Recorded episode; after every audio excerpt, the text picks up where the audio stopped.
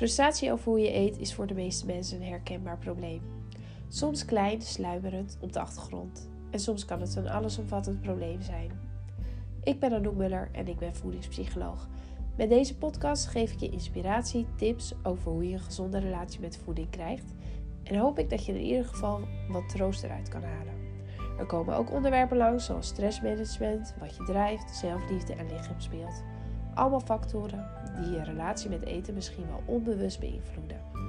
Je bent welkom bij de Vitamin Me podcast.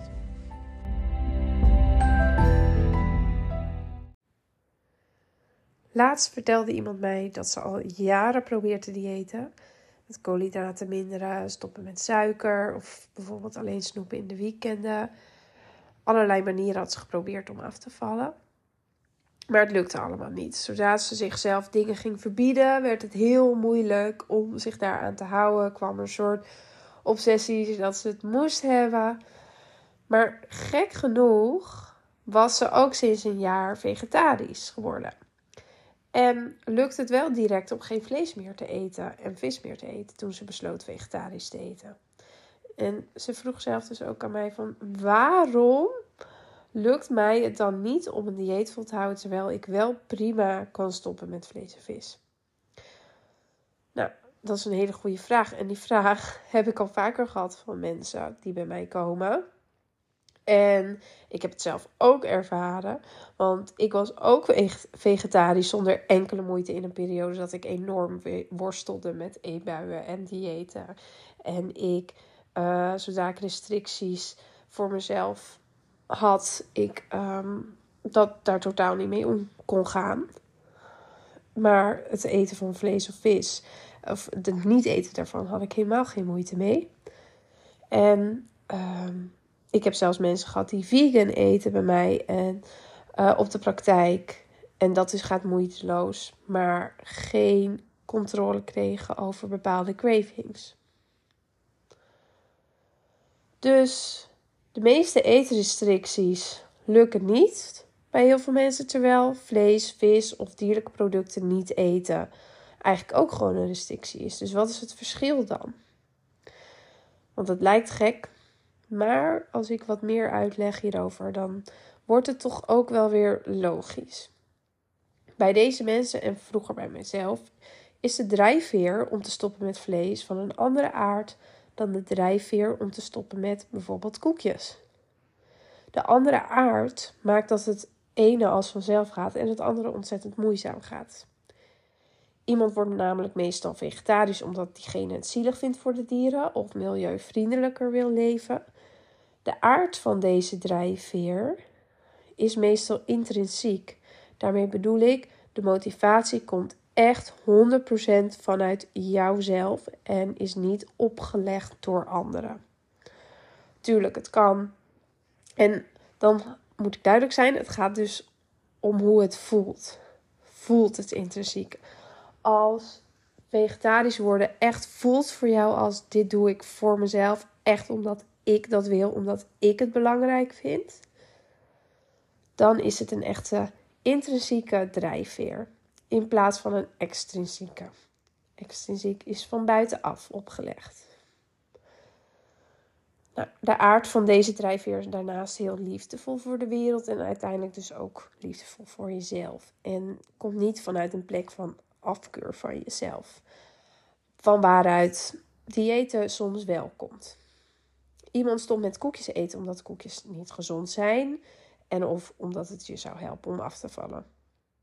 Nou, de aard van deze drijfveer kan ook prima intrinsiek zijn.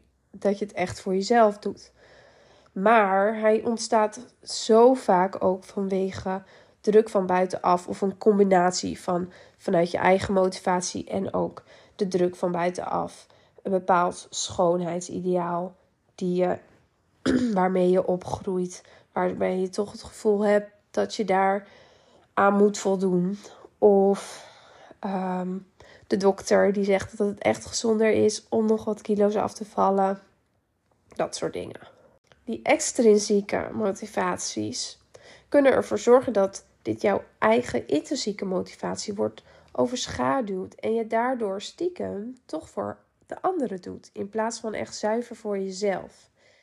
En dat kan ook heel onbewust gaan. Dus heel vaak heb ik mensen die bij mij komen van nee, maar ik wil dit. Ik wil afvallen en ik vind het echt niet mooi. En ik.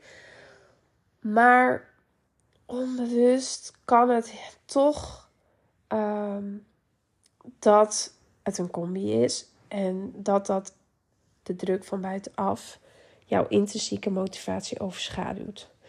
En dit haalt je echt enorm uit je kracht. Op het moment dat de externe motivatie ook meespeelt, lukt het stoppen met koekjes meestal moeizaam.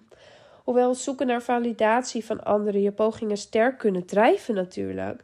Je kan je ook echt gedreven worden door wat anderen willen dat jij doet of wat je denkt dat je zou moeten zijn.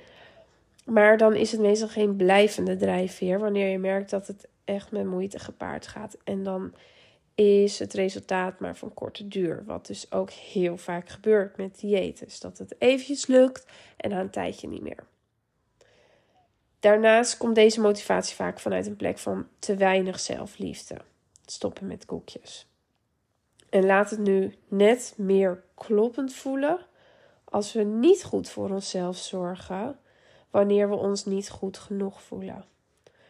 Dus als het vanuit een plek komt, vanuit afkeur, dat je wil stoppen met de koekjes, dan voel je je niet genoeg. Dat je niet goed genoeg bent. Laten we even heel zwart-wit zijn en duidelijk zijn daarover. En dan is de neiging op onbewust niveau om daarmee uh, op hetzelfde niveau voor jezelf te zorgen. Dus je bent niet goed genoeg, dus je zorgt niet goed voor jezelf. En dus ga je de koekjes eten. En dus ga je jezelf saboteren.